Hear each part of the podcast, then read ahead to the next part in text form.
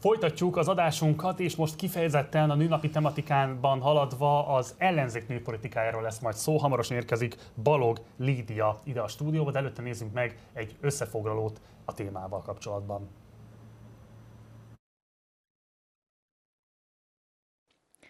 Mi egy olyan Magyarországért dolgozunk, ahol a nőknek az azonos munkáért azonos jövedelem és azonos megbecsülés is jár.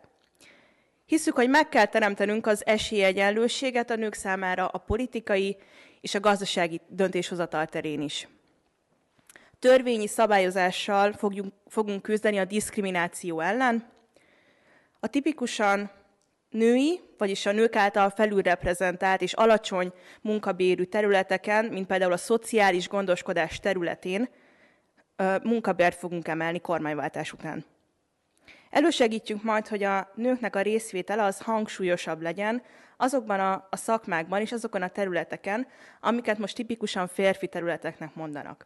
Legyen szó az informatikáról, a természettudományokról, vagy pedig a mérnöki szakmákról. Ahhoz, hogy egy fejlődő és boldog országot teremtsünk, szükség van egészségügyi intézkedésekre is. Csökkenteni fogjuk a várandós nőknek a kiszolgáltatottságát a szülések kapcsán. Azért fogunk dolgozni, hogy minden intézmény anya és baba barát lehessen. Kiemelten fogunk foglalkozni a felelős szexualitással és a szexuális oktatással, ezért ingyenesé tesszük a hormonmentes fogamzásgátló eszközöket. És mindenki számára biztosítjuk a TB támogatást a legmegfelelőbb fogamzásgátló módszerhez. A nők és a gyermekbántalmazások terén is határozottan fel fogunk lépni.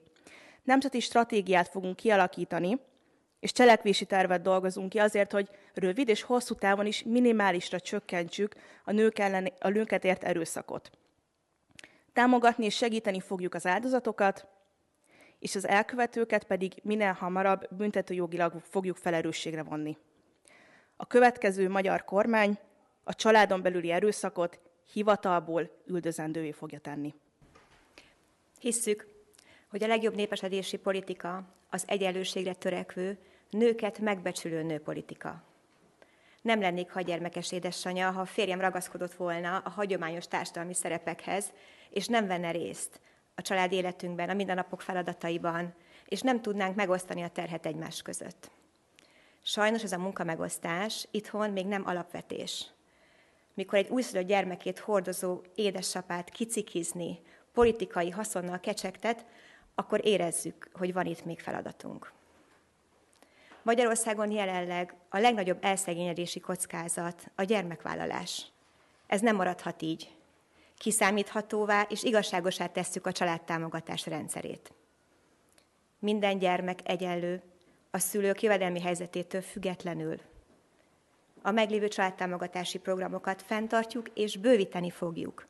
Növeljük a családi pótlék és a három évig tartó gyes összegét. Duplájára emeljük a gyermek születésekor apának járó szabadságot. És kiterjesztjük a nagycsaládosoknak járó kedvezményes kedvezmények körét az egyszülős családokra is. Alapvető célunk, hogy a vágyott gyermekek valójában meg is szülessenek Magyarországon. Ehhez hosszú távú, kiszámítható és közmegegyezésen alapuló családpolitika kell. A gyermekvállás segítéséhez a gazdasági ösztönzők és támogatások mellett a most tapasztalt hektikus, kiszámíthatatlan gazdaságpolitikával és mérgező légkörrel szemben biztonságos, stabil gazdasági és jogi környezetet, nyugodt, békés közállapotot kell teremteni. Mindezen tervek azonban nem valósíthatók meg a civil szféra, a civil szervezetek és szak, szakértők bevonása nélkül. Mind a programunk kidolgozásában, mind a megvalósításában, mind a megvalósítás elnőrzésében kiemelkedően fontos, hogy a politika, a szakmai szervezetek és a szociális szféra kéz a kézben együtt járjanak. És folytatjuk a téma kitárgyalását. Itt már velünk a stúdióban Balog Lídia, a Női Érdekérvényesítő Szövetség munkatársa. Szervusz, köszönöm, hogy elfogadtad meghívásunkat. Jó reggelt kívánok mindenkinek! Pontosítanék, én nem vagyok munkatársa, a női érdeknek én, én gyakorlatilag önkéntes szakértőként dolgozom most velük. Egyébként főállásom szerint tudom, társadalomtudományi kutató vagyok, dolgozom felsőoktatásban is. De... Nagyon köszönöm a pontosítást. Most ugye láttunk egy videós összeállítást arról, hogy milyen vállalásokkal készülnek az ellenzéki képviselők egy esetleges kormányváltásra. Múlt héten volt nálunk Márkizai Péterné, Vince Felícia, aki ugye a miniszterelnök jelöltnek a feleség, és ő is arról beszélt, hogy milyen típusú prioritásokkal számol az ellenzék egy esetleges kormányváltás során.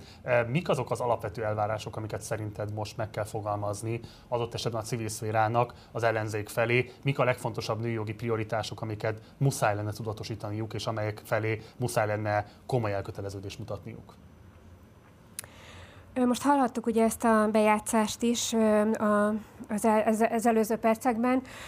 Az nagyon fontos, ami megfogalmazódott, hogy, hogy érdemi bevonó, bevonulással történjen a civil szervezeteknek, a civil szakértelemnek ne csak látszatkonzultáció, ne csak ilyen kipipált, ilyen ornamentikai elemként szerepeljenek az egyes kezdeményezésekben a, a civil szervezetek. Azt persze tudni kell, hogy, hogy a civil szervezetek világ az nem egy homogén dolog, tehát hogy a civil szervezetek egy-egy kérdésben is nagyon különböző álláspontokat képviselhetnek, női civil szervezetek is, és nem csak az ilyen forró témáknál, hogy mondjuk a prostitúció hogyan legyen kezelve, hanem akár mondjuk a gyermekgondozási szabadság kérdése, tehát egy csomó ilyenben. Úgyhogy, úgyhogy ez, ez valóban érdemi konzultációt kell, hogy jelentsen, a különböző álláspontok meghallgatását adott esetben, és, és társadalmi konzultációt. Tehát, hogy, hogy nem úgy néz ez ki, hogy akkor a civil szervezetek kész recepteket visznek, hanem különböző receptjeik lesznek, és ezt valahogy ezeket ki kell majd munkálni a megoldásokat társadalmi konzultáció révén. Uh-huh. Mielőtt rátérünk az ellenzék programjára, összefoglalnád, hogy mi az a nőpolitikai környezet, amiben az ellenzék megfogalmazza a nőkre vonatkozó programját, tehát hogy annak fényében is például, hogy az Európai Esélyegyenlőségi Indexen Magyarország jelenleg ugye hátul a harmadik, a bejátszásban is hallottuk, hogy, hogy itthon a legnagyobb szegénységi kockázat a gyerekvállalás például. Uh-huh. Ö, tehát a, a környezetet úgy érted, hogy jelenleg milyen nőpolitika Igen, létezik? milyen nőképet uh-huh. közül? Jó, ö, még, még az ö, indexre visszatérve, hát az indexre nyilván nagyot fog ugrani, tehát én az indexekben nem maximálisan hiszek, azért azok mindig torzítanak, hogyha mit tudom én, a, egy női államfő, vagy köztársasági elnök, az nyilván nagyot fog dobni ezen az indexen, közben pedig a mindennapok nem változnak, tehát hogy ezért ezt óvatosan venném, de vannak ilyen indexek valóban. Ö, hát a jelenlegi nőpolitikáról azt mondható el, hogy, ö, hogy igazából nincsen. Elemei persze léteznek, illetve a, a magyar kormány is létrehozott, amikor az Európai Unióban 2020 őszén megszületett a nemek közötti egyenlőség stratégia, ezt Magyarország is elfogadta. Magyarország is elfogadott egy olyan címmel stratégiát, hogy a, a nők szerepének erősítése a családban és a munkaerő, vagy a társadalomban, bocsánat, és abban gyakorlatilag minden benne van, ami az EU stratégiában benne van kivéve az erőszak kérdése, mondjuk, az nincsen, tehát az, az úgy hiányzik. Ez nem jelenti azt, hogy nem történik semmi, vagy nem lennének jogszabályok, mert ugye a jogszabályoknak is azért valamilyen szinten összhangba kell állni az EU-s elvárásokkal, meg, meg más nemzetközi kötelezettségből fakadó van is meg kell, tehát hogy vannak normák, de az biztos, hogy nincs összefogva, nincs holisztikusan kezelve ez a kérdés, nincsen az megvizsgálva, hogy hogyan függnek össze a különböző területek, hogyan függ össze az erőszak, hogyan okoz az problémákat más területen. Tehát nincs egy holisztikus nőpolitika, még akkor sincs, hogyha, hogyha mondjuk az EU felé egyébként ez kommunikálva van, hogy, hogy van. Uh-huh. Azt mondod, hogy nincsen holisztikus nőpolitika. Közben ugye ez egy fontos tisztázató kérdés, hogy igazából ez nem egy baloldali vagy jobboldali állítás, hogy nőpolitikára szükség van, hiszen van baloldali nőpolitika is, meg van jobboldali nőpolitika is. Nyilván mások a prioritások az egyik vagy a másik szegmens részéről, de ráadásul itt vannak olyan kulturális különbségek is, amelyek nem biztos, hogy föltétlenül ennyire szegmentálhatóak jobb vagy baloldalra. Szerinted mik lennének azok a pontok, amelyben kialakítható lenne valamifajta konszenzus kormány és ellenzéke között kifejezetten a nőjogi prioritásokat illetően?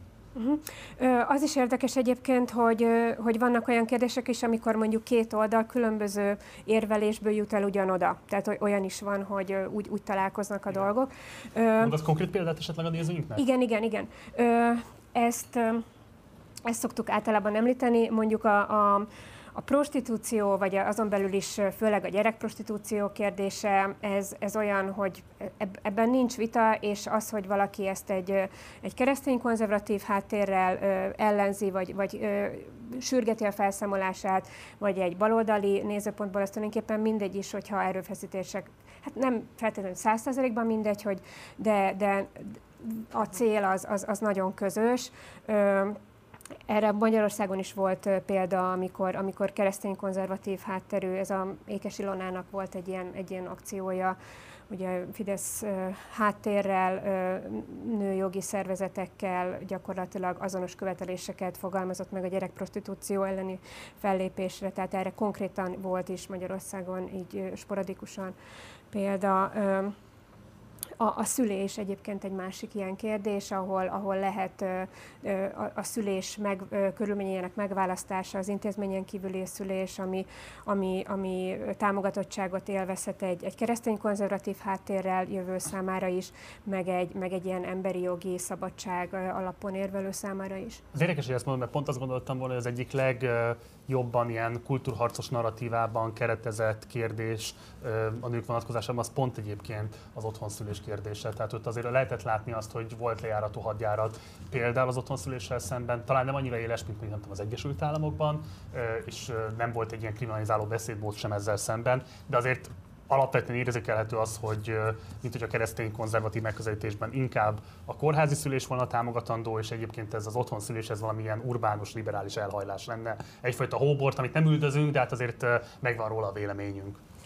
most akkor megint Körbendine Ékes Ilonát kell említenem, aki ö, Ercsei Katalin mellett annak idején, amikor Geré Bágnest ö, fogva tartották, ő volt, ö, tehát ők ketten tehát, ö, voltak, akik ö, sajtó nyilvánosságot vállalva meglátogatták ö, Geré Bágnest. Tehát ez a két politikus nő. Tehát itt megint csak azt mondhatnám, hogy, hogy szimbolikusan is kifejeződött.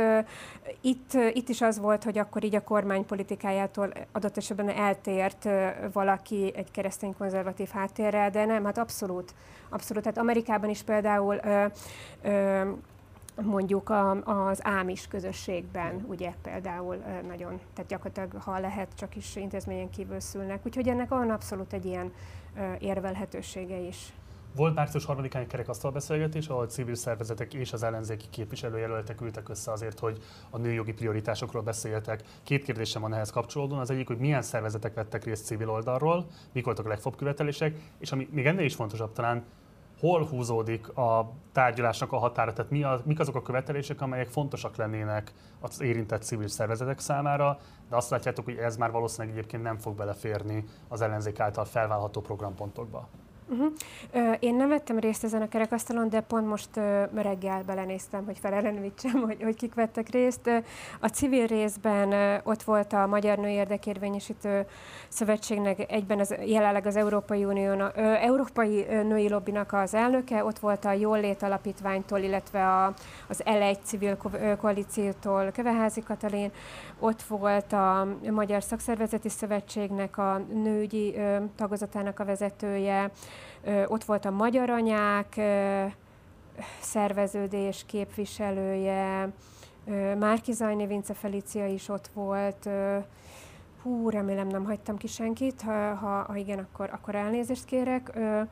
És ugye a Magyar Női Érdekérvényesítő Szövetség sok civil szervezetet fog össze, például a, a Patent Egyesületet, a képviselőjét most hallhattuk, tehát hogy abból a pozícióból beszéltek. A Magyar Női Érdekérvényesítő Szövetségnek ősszel megjelent egy nőválasz címmel egy dokumentuma, ahol megfogalmaztak minimumokat. Itt az erőszak, nagyon nők elleni erőszak leküzdése nagy hangsúlyt kapott, nyilván azért, mert, mert ez, ez, ez egy olyan téma, ami nincsen integráltan kezelve a, a nők helyzetének más aspektusaival. Hát neuralgikus téma az isztambuli egyezmény, Kérdés, hogy azt hogyan lehet kiváltani hazai szinten, illetve tudjuk, hogy ha arra kerül a sor, illetve tudjuk, hogy Európai Uniós szinten is folynak erőfeszítések, hogy ezt valahogy valami más normával kiváltsák. Az isztambuli egyezmény ratifikálása mellett elkötelezett az ellenzék? A te tudásod szerint? Hát ezt az ellenzéktől kéne ö, megkérdezni, e, nem szeretnék ebben nyilatkozni. Ö, De gondolom, erről, erről szó volt a, azon a konferencián, vagy bármilyen módon az egyeztetések során. Ez nem került elő még?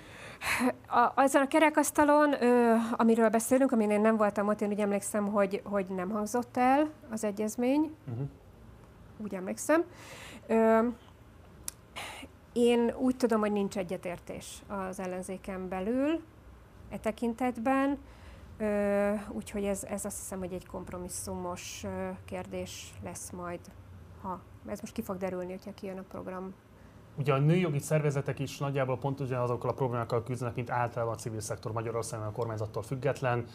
Nagyon elégtelenek az állami források, alapvetően inkább projekteket támogatnak, azokat is nagyon-nagyon alacsony volumenen, és hát a nagy nemzetközi donoroknál meg ugye ott van az a fajta kitettség, amit a kormányzat eléggé mesteri módon épített föl az elmúlt most már lassan évtizedben, nevezetesen, hogy bárki is, aki elfogad ilyen típusú pénzeket, azt a soroshozás vágya fogja majd kísérni a munkájában ti magatok tapasztaljátok azt, hogy kifejezetten mondjuk akár a kliensek, akár az érintettek, akikkel dolgoztok, körében elidegenedést kelt az ilyen típusú megbélyezettség, tehát emiatt találkoztatok elutasítottsággal, ez az egyik kérdésem. A másik pedig, hogy szerinted milyen prioritásokat kellene kijelölni egy esetleges új kormányzatnak a nőjogi szervezetek állami támogatását illetően? Hát ami a megbélyezettséget illeti, én nem gondolnám azt, hogy ez feltétlenül mondjuk egy valaki számára, aki segítségért fordul mondjuk a nanéhoz vagy a patenthoz, ez összekapcsolódna. Én inkább olyan beszélgetésekre emlékszem, amikor, amikor val- nem tudom, hétköznapi emberekkel, akik egyébként megbecsüléssel, tisztelettel beszélnek, vagy esetleg jó tapasztalataik vannak a, a NANE vagy a patent munkájáról, ö, említést kap, hogy egyébként ők is a, rajta voltak ilyen listákon, akkor úgy elcsodálkoznak, hogy jé, ez a kettő itt ér össze. Tehát, hogy szerint, de, de lehet, hogy nekik más tapasztalatuk van, tehát a, a, a NANE és munkatársaknak. Én inkább, inkább azt látom itt is, hogy ez valahol úgy lebeg ez a, ez a stigma, de, de mondjuk így a női segítőkre talán azt gondolnám, hogy nem annyira közvetlenül tapad rá, szerencsére. Ö, hogy milyen prioritást kellene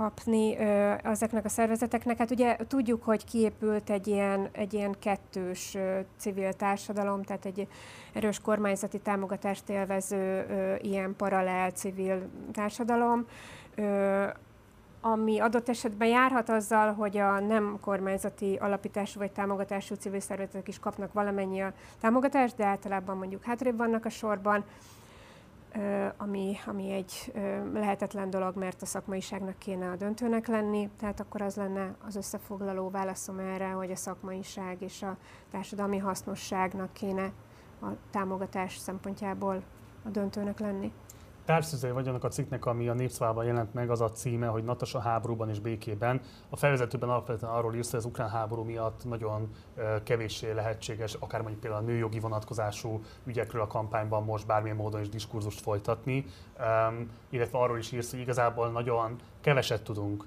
a nők szempontjairól, választói preferenciáiról és így tovább. A te megítélésed szerint kormányváltás esetén mi volna az első száz napnak a legfontosabb törekvés arra vonatkozóan, hogy érzékelhetően lehessen javítani a magyar nők helyzetén?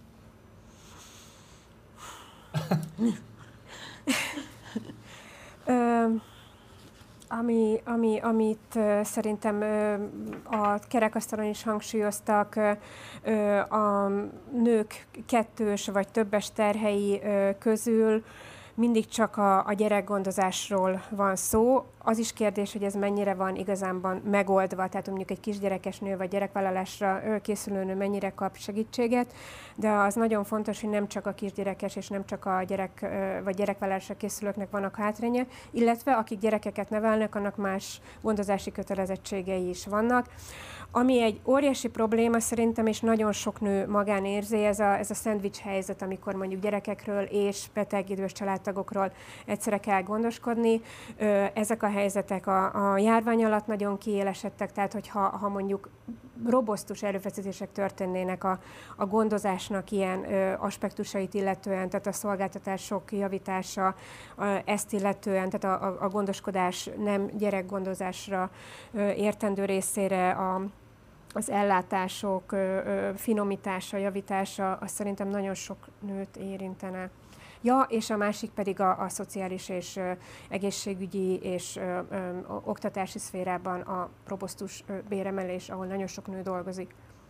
És akkor egy záró kérdés, igazából ezt neked is fölteszem, Nóra, hogy érdekel a véleményetek erről nemzetközi nőnap alkalmából. A kollégám jelezték azt, hogy a komment szekcióban eh, hatalmas viták zajlanak arról, hogy hát ugyan miért nincsenek miért nincs több női tudós, és miért mennek ők inkább műkörmösnek sem, mint hogy műtudományos pályát választanak, illetve van egy ilyen pozitívan eszencializáló, de ugyanígy eszencializáló megközelítés, ami szerint, hogy a nők a női energiák alapvetően nem vezetnek például háborús konfliktusok kirobbanásához, és hogy a nők nem indítanak háborút.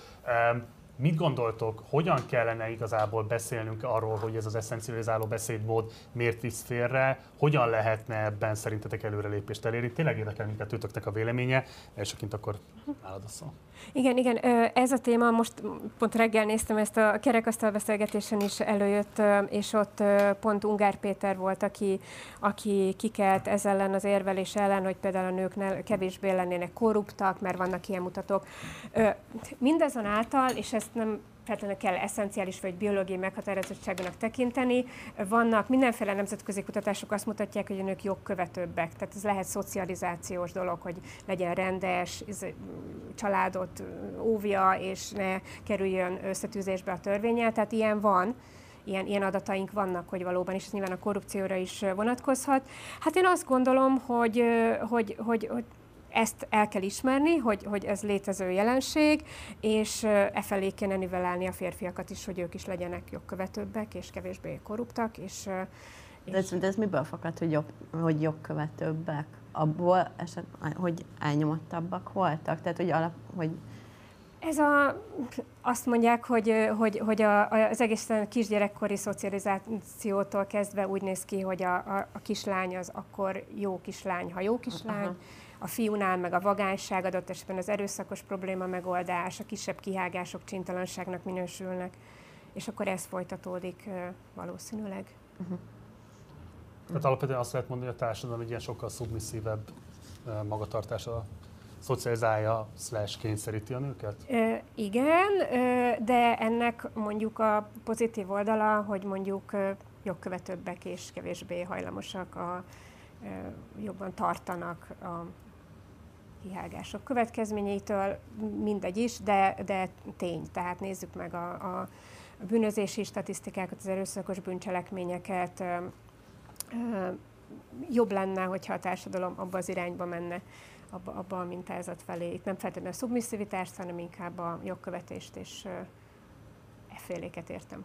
Te tapasztalod azt, Nóra, hogy egyébként, hogyha mondjuk te konfliktust válasz bármilyen, akár baráti, akár szakmai közösségben, akkor azt veled szemben nagyobb megütközéssel fogadják az emberek? Ö, igen, de inkább az, hogy előjön egy olyan sztereotípia, hogy na, a hisztis nő. Én nagyon sokszor belállok ilyen helyzetekbe, most főleg a Covid kapcsán többször is kellett, amikor vannak ilyen elvi ütközetek, és igen, egy kicsit benne van ez, persze érzékelem, sajnos. női társaid is van, hogy ilyen szempontból megütköznek rajtad? Nem, de van egy ilyen elismerés, hogy hú, de jó, hogy te, te beleállsz, ami, aminek magától értetődőnek kéne lenni. Én, én ennek egyébként annak örülnék, hogyha lenne egy olyan kormány, aki ezt úgy kommunikálja a lakosság felé, tehát hogy valahogy humorral fogalmazza meg, és olyan ö, egyszerűen videókkal, vagy hogy nem ö, arról kéne videót csinálni, hogy hogyan próbálják meg a kisiskolásokat átműtetni ö, osztályfőnöki órán, hanem hogy, hanem hogy hogy lehetne a felé lökni a társadalmat, a férfi lakosságot is, hogy mondjuk szabálykövetőbb legyen, vagy jogkövetőbb ha, ha mondhatok ehhez csatlakozva valamit, tehát hogy ö, most közben ezen gondolkoztam, hogyha olyan társadalomban élnénk, ahol a nőkkel ö, asszociált értékeket, az úgymond női értékeket jobban megöcsülnék, és jobban a női értékek, úgymond női értékek szerint élne a társadalom, akkor az valószínűleg jobb társadalom lenne. Igen, hogy ez nem egy ciki dolog lenne, hanem... Hogyha azokat emberi igen. értékeknek tekintenénk, igen. Ö, igen. Balogh Lídia, a Női Érdekérvényesítő Szövetség önkéntese. Nagyon szépen köszönöm, hogy itt voltál velünk, és köszönöm szépen, hogy mindezt megosztottad a nézőinkkel. Köszönöm.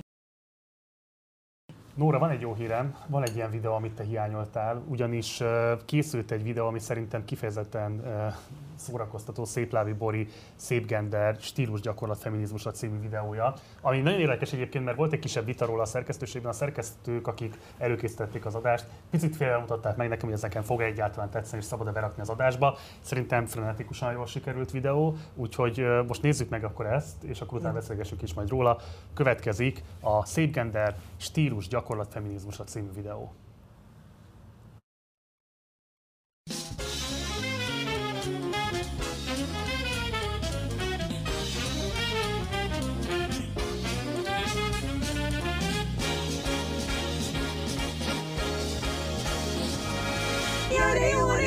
Biztonságban van, ha lőnek és csak lábat és hónaj borotvál. És írat is, és ríhat is, ha fáj neki. Hát őnek lenni, de csuda jó. Miért imádott Eddie Murphy rendszerint a férfi, aki feje fölött most is ott áll. És ámul és a bámul, de nem érti meg. Mert őnek lenni, de csuda jó. Végül is a bárba csak a férfi vízzel, a nő akarna, de ciki már. Az egy dolog, hogy dolgozik, a nő az mégis non mert a pénzt úgyis csak ölti. Van benői munka gondolkodni, úgyse tudna, hogy étkelő vagy babysitter. Vagy ápolós, táncoló, vagy konyhalán. A nőnek lenni, de csuda jó. Ó, a nő az nem vezető, a nő az nem menedzser, alkat jobb, a hallgat hanga nem elég babe. Lány felett legyen a műegyetem, mert fügyelő nélkül nincs karrier. Úgy is elmecsülni egy hamar, nincs benne haszon, de miért ne grinyál, még szerencse hangzik át, az üveg plafon. Wow, ott van az helyen, minden este délután. A munkahelyről elszaladva boltba megy, meg elpakol és úrolja halkocos a lakást. Meg az a nagy rakás szennyes edény várja meg a vas. A házi munka csajos és boldog, a fő a tisztaság és fő az ebéd, a kanapé meg elterül a lajok. Hé, hé, hé, közbeszülni kell, két gyermek férsi kell. Hogyha nő vagy nincs olyan, hogy nem leszel anya, mert Csabavával lesz teljes a kép. A szép, ha sok még le nem áll, üresen, sohasem. Aztán szülni ügyesen, ugye nem is fáj, a nagy gyerek háj, lóg a kötény, ha, ha nő a kis gyerekről. És gondoskodik, s ő, ha párszáz kellus kap is, visz az apja nem tud öltöztetni, és etetni anya tudja, csak is már a nemzés. Az a férfi feladata is nincs több, az nem szerencsés. Aj, fura, de ehhez valamiért, csak a nyúért. Jó, de el ne hagyd magad, kimondva nem magad. A túlkövér az párja nincs, a párja ronda és igénytelen kivéve ha. Férfi, mert az ő hasa, az önmagában szexi, azzal nem kell semmit tenni. De hogyha csajzi vagy, megáll a férfi, ha szóval szép legyen, és étel nincs kenyér, az ér a nagy kegyér. Hogy átüráljon egy pasi az ég az ébó, a füttyögők pedig nem is tahók. Ez nem zaklatás, mert úgy is te akartad. Túl szűk tobban, ó, egy baba hajú a seng. Hát gyerünk, szaladj, takar, tagad, feküdj, legyen kus. Az csak baj, ha élvezed, de ne nagyon ám, mert az már vissza kell, hogy lopja sem. Ne légy hangosabb a férfinál. Szép gelde, szép gelde, szép gelde. Csak szép légy, nem kell már szép gelde, szép gelde, Ja, főzni is tudja. Ne légy okos, ne légy erős, ne légy a férfinél nagyobb sem erősebb. Legyél cuki, kicsi, puci, legyél a mocskos, gerde, szép gerde, szép gerde, csak egyet szépséggel. Lánya nem szabad kivéve, hogyha nézik, Mink olyan legyen, hogy láthatatlan, de botetós. A nő az élvegi, ha bántják és a kézik. A száj nyitva, hogy csinálva, hogy megtemje valamivel. A férfi olyan,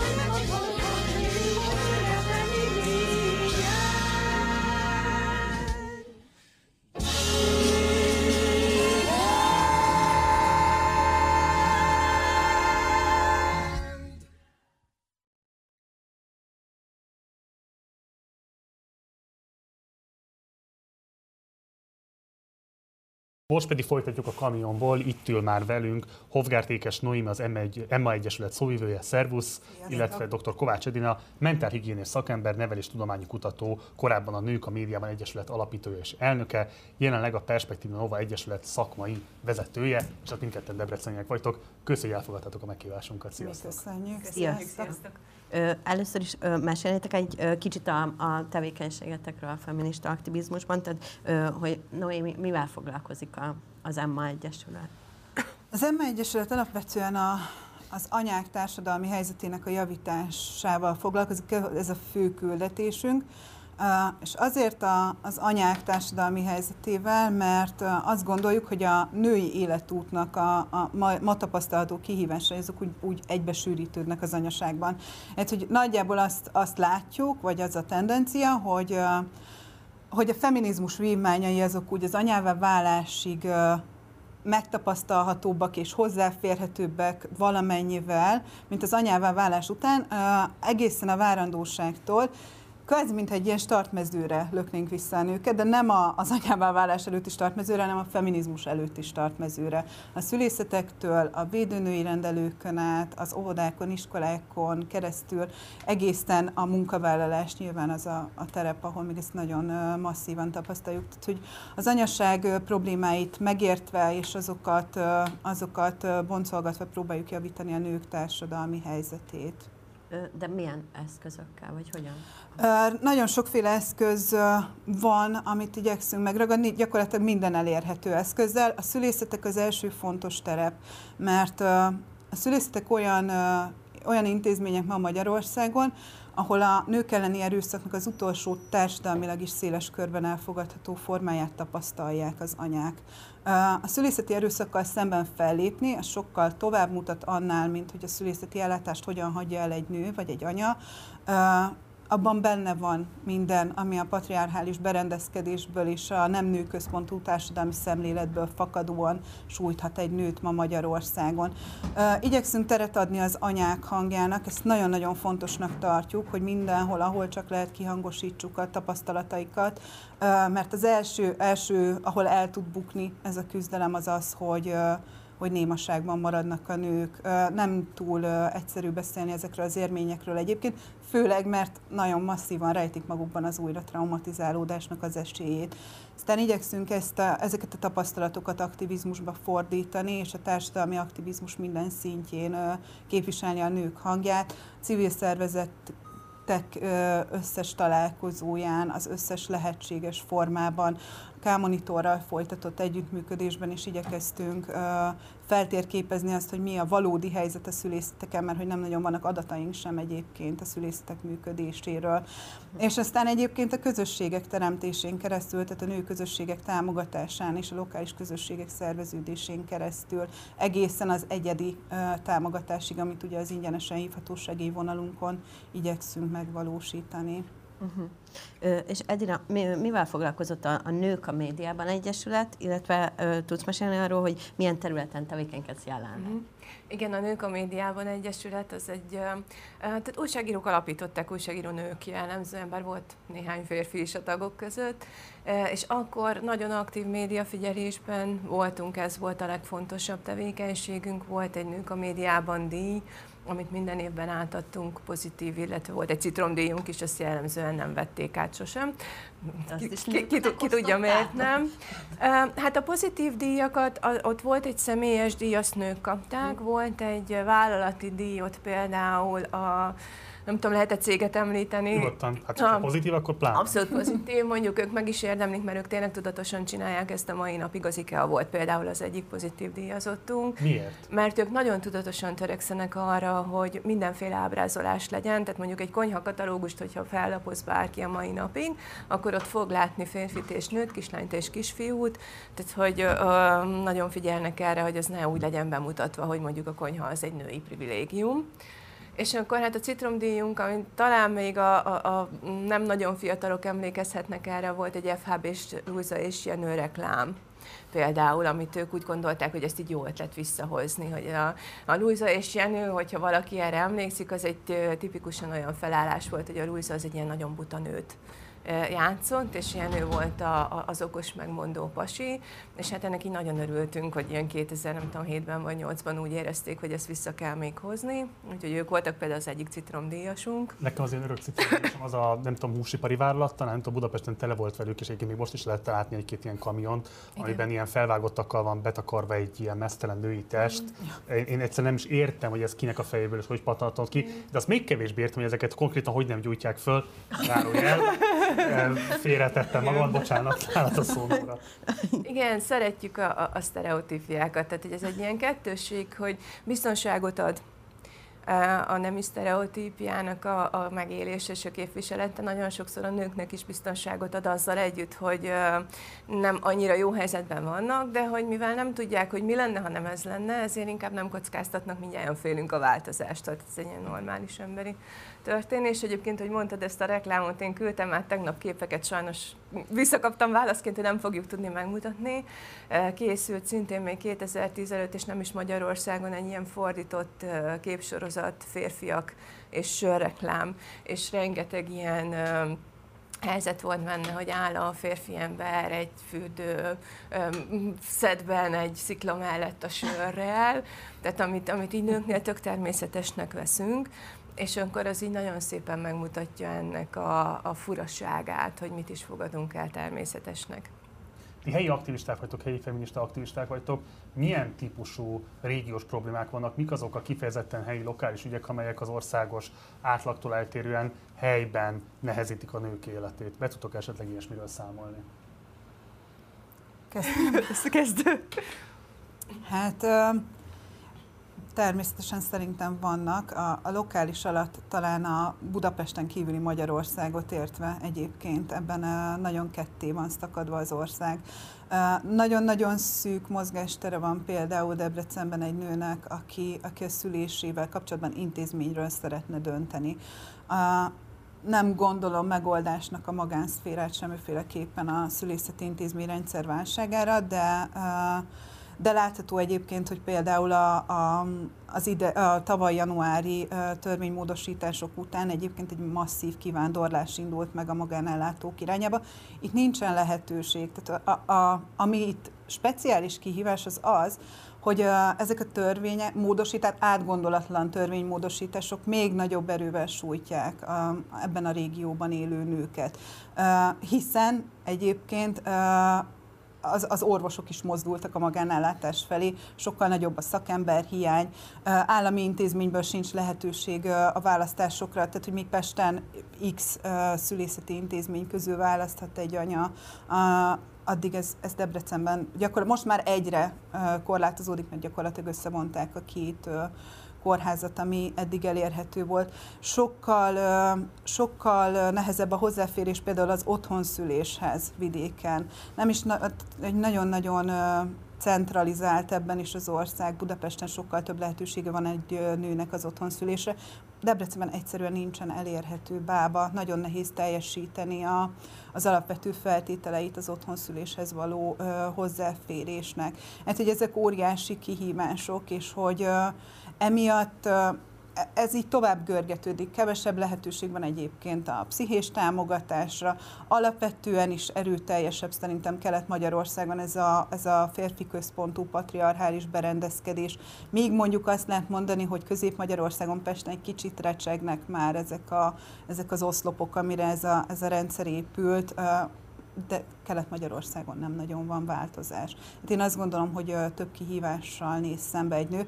És igen, az EMA próbálkozik egyébként a, a, a helyi nőközösségek erősítésével is, annak érdekében, hogy hogy legalább az információ eljusson a nőkhöz, és hogy legyen egyfajta támasz ezekben a kihívásokban, vagy egy-egy nehezebb szülés után. Amikor egyébként, tehát a nehezebb szülés akkor válik nagyon nehéz, amikor mondjuk vissza kell menni ugyanabba az ellátórendszerbe, ahol a trauma történt egy nővel, és ez például Kelet-Magyarországon szükségszerű, tehát hogy nem nagyon van más lehetőség. Persze el lehet utazni Budapestre egyébként, ennek kicsi a realitása, és nagyon kevesen teszik meg. Pont a Covid előtt egyébként a helyi EMA műhelyekbe is nagyon erős, tehát ezek nagyon erős fókuszt kapnak nálunk.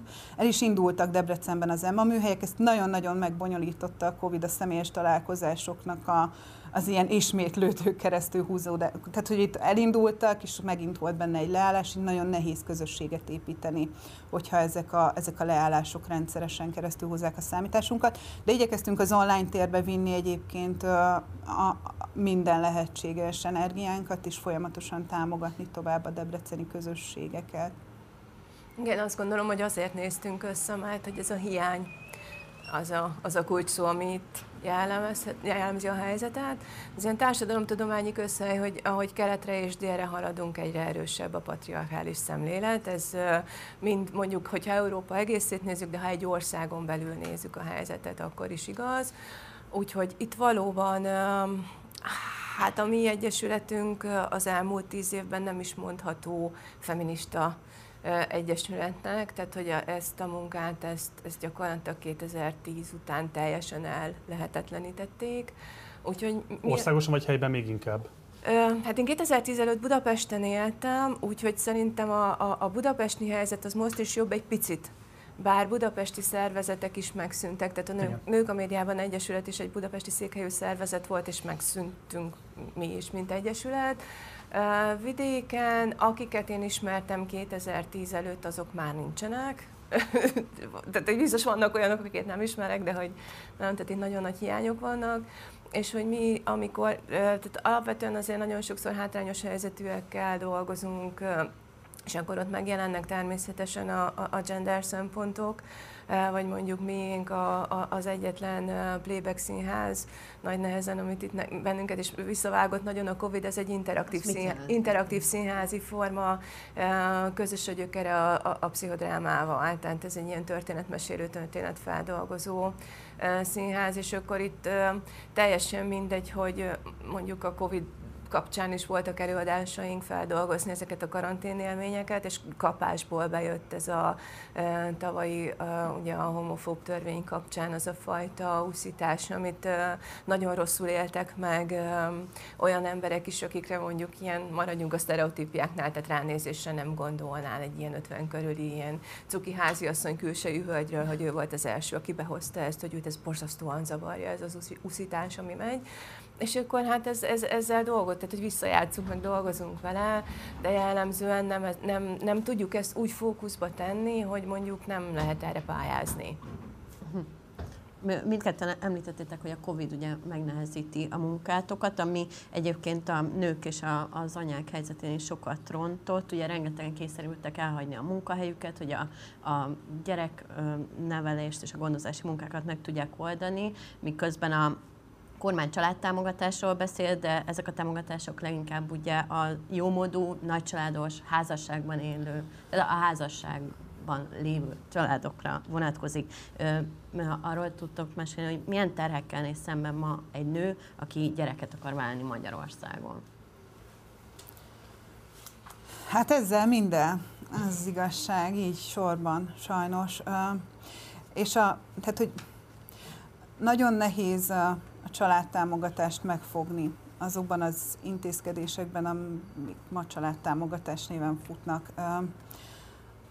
Szerintem az fontos perspektíva, hogy nagyon kevés anya van, akinek az anyagi önállósága megmarad a szülését követően. Tehát ilyen formában az anyává válás ma Magyarországon egy státuszvesztés majdnem törvényszerűen. Nem mondom azt, hogy minden esetben és mindig, de elég belegondolni abba, hogy, hogy mondjuk milyen egy gyed összege, egy átlagos gyed összege Magyarországon, és meg mondjuk megnézni az euró árfolyamot. Mondjuk ki azért, hogy ez fontos tudatosítani a nézőkben.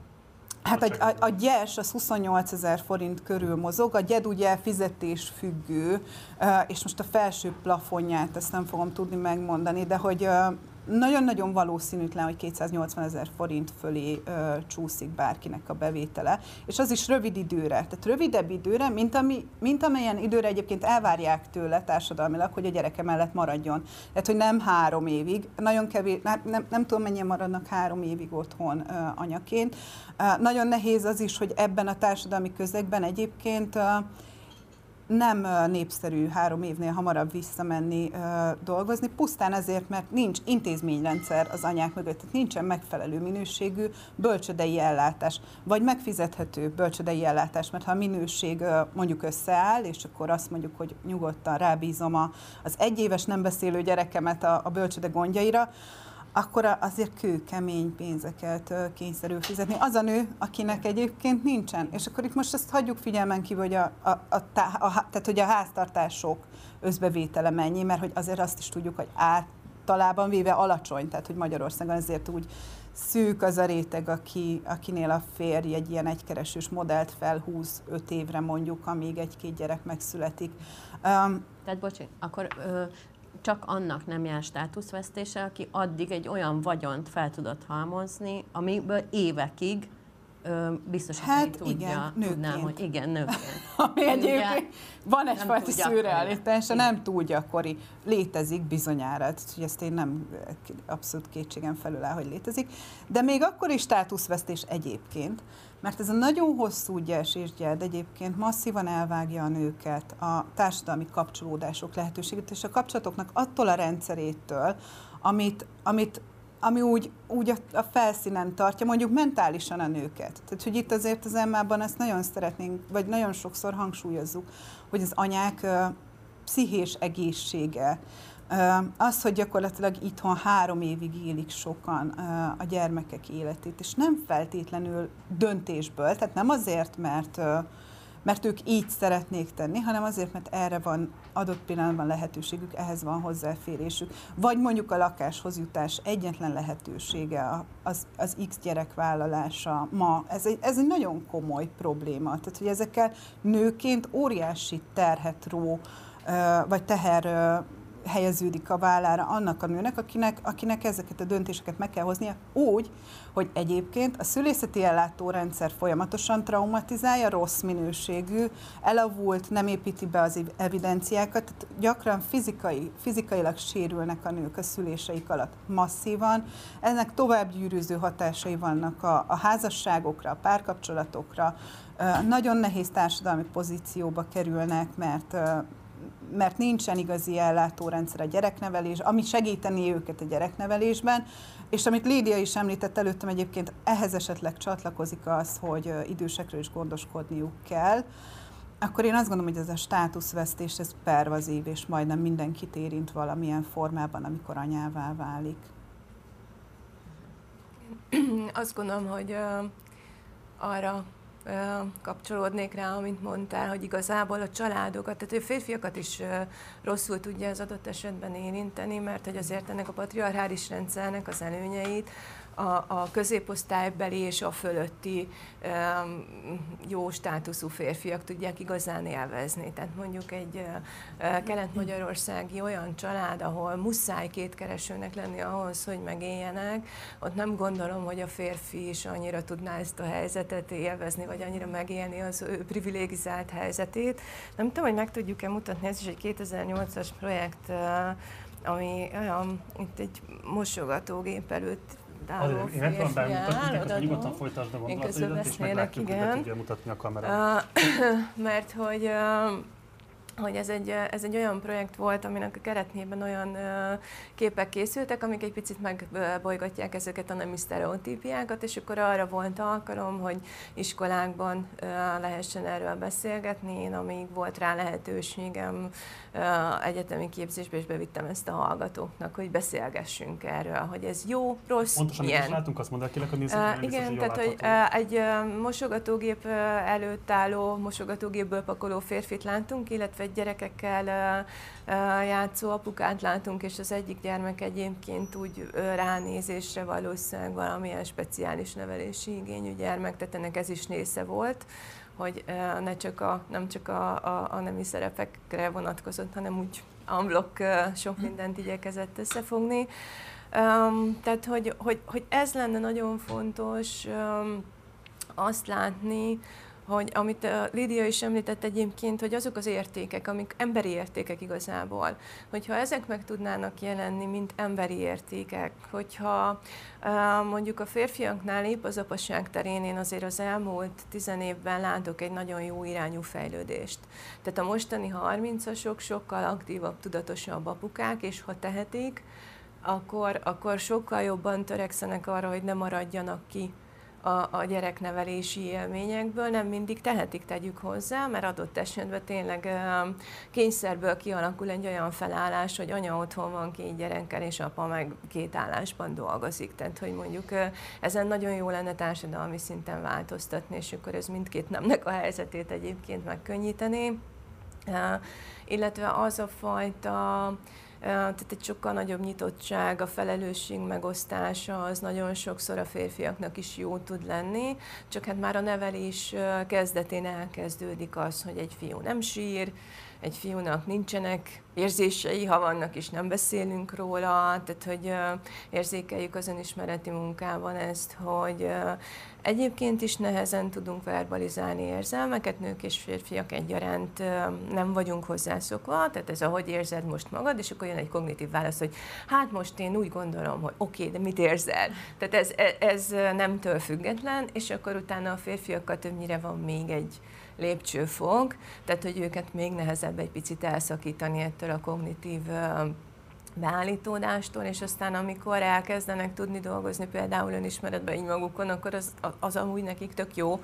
Tehát, hogy igazából ezt fontos lenne látni, hogy, hogy egy változás az nem feltétlenül rossz, akár a férfiaknak sem, csak nem ehhez vagyunk szokva. Nóra említette az adás legelején, hogy most a doktoriát a nők magyar filmekben látható reprezentációjáról írja, és az volt a válaszat, hogy nagyon sematikus Igen. ez az ábrázolásmód. Egysíkú.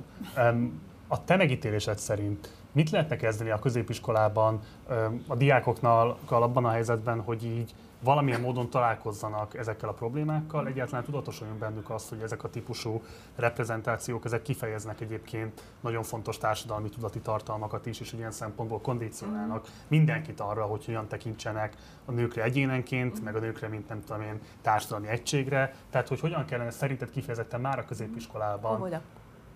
Óvoda. Óvoda. Tehát, hogy itt kezdődik, hogy már az óvoda. Óvodás gyerekek már nagyon jól meg tudják különböztetni, hogy mi a férfias és mi a nőies. Ez bocsánat, egy kicsit puskázok, a, mert hogy elhoztam, hogy az autót, azt 80 pluszos százalékban, tehát valamikor 80-as években volt az első ilyen kutatás, és aztán most azt keresem, hogy mikor volt a következő, amit az Efla Zsuzsáék csináltak, de most persze így hirtelen nem találom az évszámot végül is nem annyira régen, tehát hogy ezt ilyen 80% fölött már az óvodás gyermekek nagyon szépen megkülönböztetik, hogy mi a férfias és mi a nőies. Tehát már ott el kellene kezdeni, és egyébként óvodától középiskoláig nem kell más tenni, mint, mint arra felhívni a figyelmet, hogy ez megkérdőjelezhető.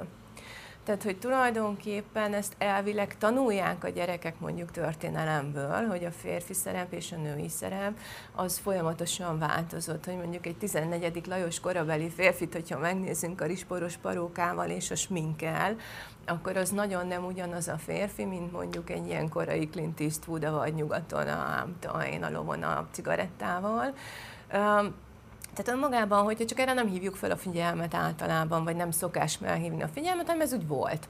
Vagy hogy mondjuk a, a lányokat nem gondolták taníthatónak egészen a, a, a 14. századig, úgy gondolták, hogy a lányok azok, na hát az esélytelen.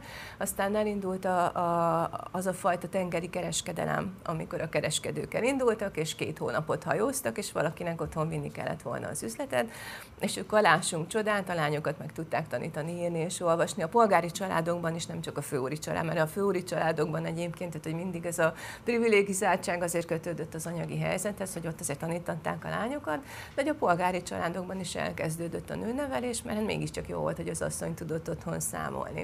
Tehát, hogyha önmagában erre felhívjuk a figyelmet, hogy figyelj azt, hogy választasz valamit, az, az ne attól függjön, hogy mi a fiús és mi a lányos, hanem attól, hogy te mihez vagy tehetséges, te miben tudod magad jól érezni, akkor ez tulajdonképpen elég. Tehát másra nem, nincsen szükség, csak ez nem történik meg.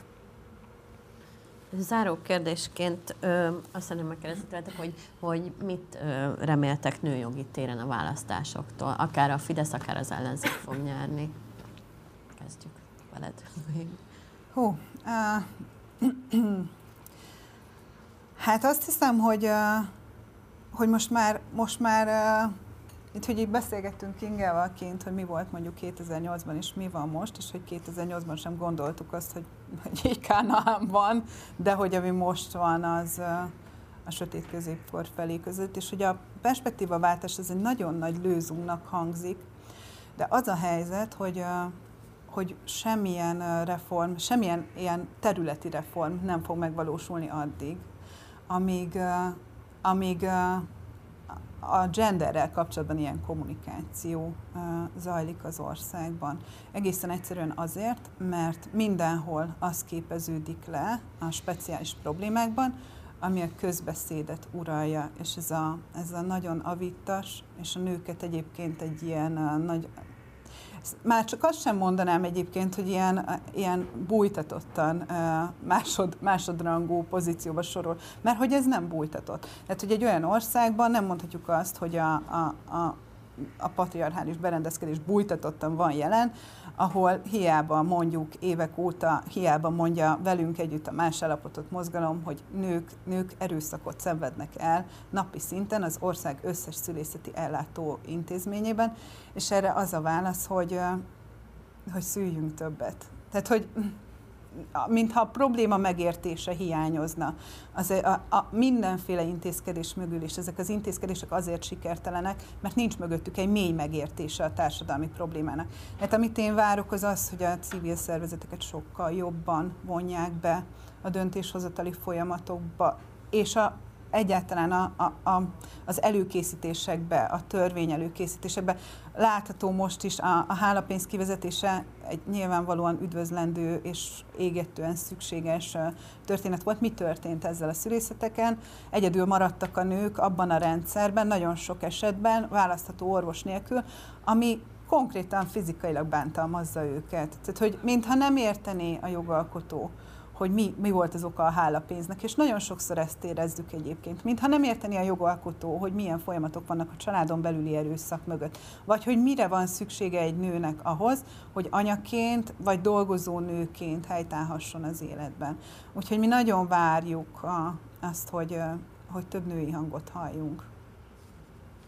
Igen, hát én a, ha Fidesz kormányunk lesz, akkor 2018-as volt egy ilyen kis összesítés az akkori Fideszes listán, hogy több Lászlót indít a Fidesz, mint nőt, mert hogy 10 László, 9 István, 7 Sándor és 6 nő. Szóval ezzel kapcsolatban nincsenek illúzióim. Ha és amennyiben egy más szemléletű kormány jön, azt gondolom, hogy illúzióink akkor se legyenek, tehát hogy igen, ezen nosztalgiáztunk itt kint a várakozás közben, hogy 2007-ben, 8-ban is azt hittük, hogy nekünk rossz. Mert hogy akkor is érzékeltünk hiányokat, és, és érzékeltük azt, hogy például nagyon szerettünk volna akkor ezekben a munkacsoportokban megvalósítani egy olyan kutatást, ami az óvodapedagógusok és az óvodapedagógus hallgatók nemi sztereotípiáit térképezi föl, és, és összeállít egy tananyagot, hogy akkor mi is lenne a teendő a képzésben.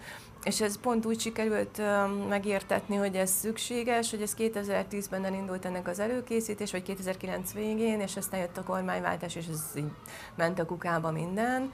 Um, tehát, hogy, hogy, hogyha változik a helyzet, akkor én ezt várnám, hogy legalább jussunk vissza 2008-ba, amikor döccenőkkel és problémákkal ugyan, de, de elindul egy, egy olyan szemléletváltás, miről Noémi is beszélt, hogy legalább, legalább kis lépésekben, legalább érzékeljük azt, hogy probléma van, legalább érzékeljük azt, hogy így 2022-ben már nem, nem az nem egy jó szlogán, hogy a nőknek a konyhában van a helye a, a, a fakanál mellett, és akkor talán, talán elindulunk 2010 előtti idők felé már az is jó lenne. Dr. Kovács Edina, Hofgártékes Noémi, nagyon szépen köszönöm, hogy elfogadtatok a meghívásunkat, és hogy ellátogattatok a stúdióba. Szépen. Nagyon inspiráló volt titeket hallgatni, és külön szeretnék gratulálni az a rendkívül értékes munkához, amit helyben végeztek minden elismerésen. Köszönjük szépen. Gyertek máskor is, sziasztok! Köszönjük.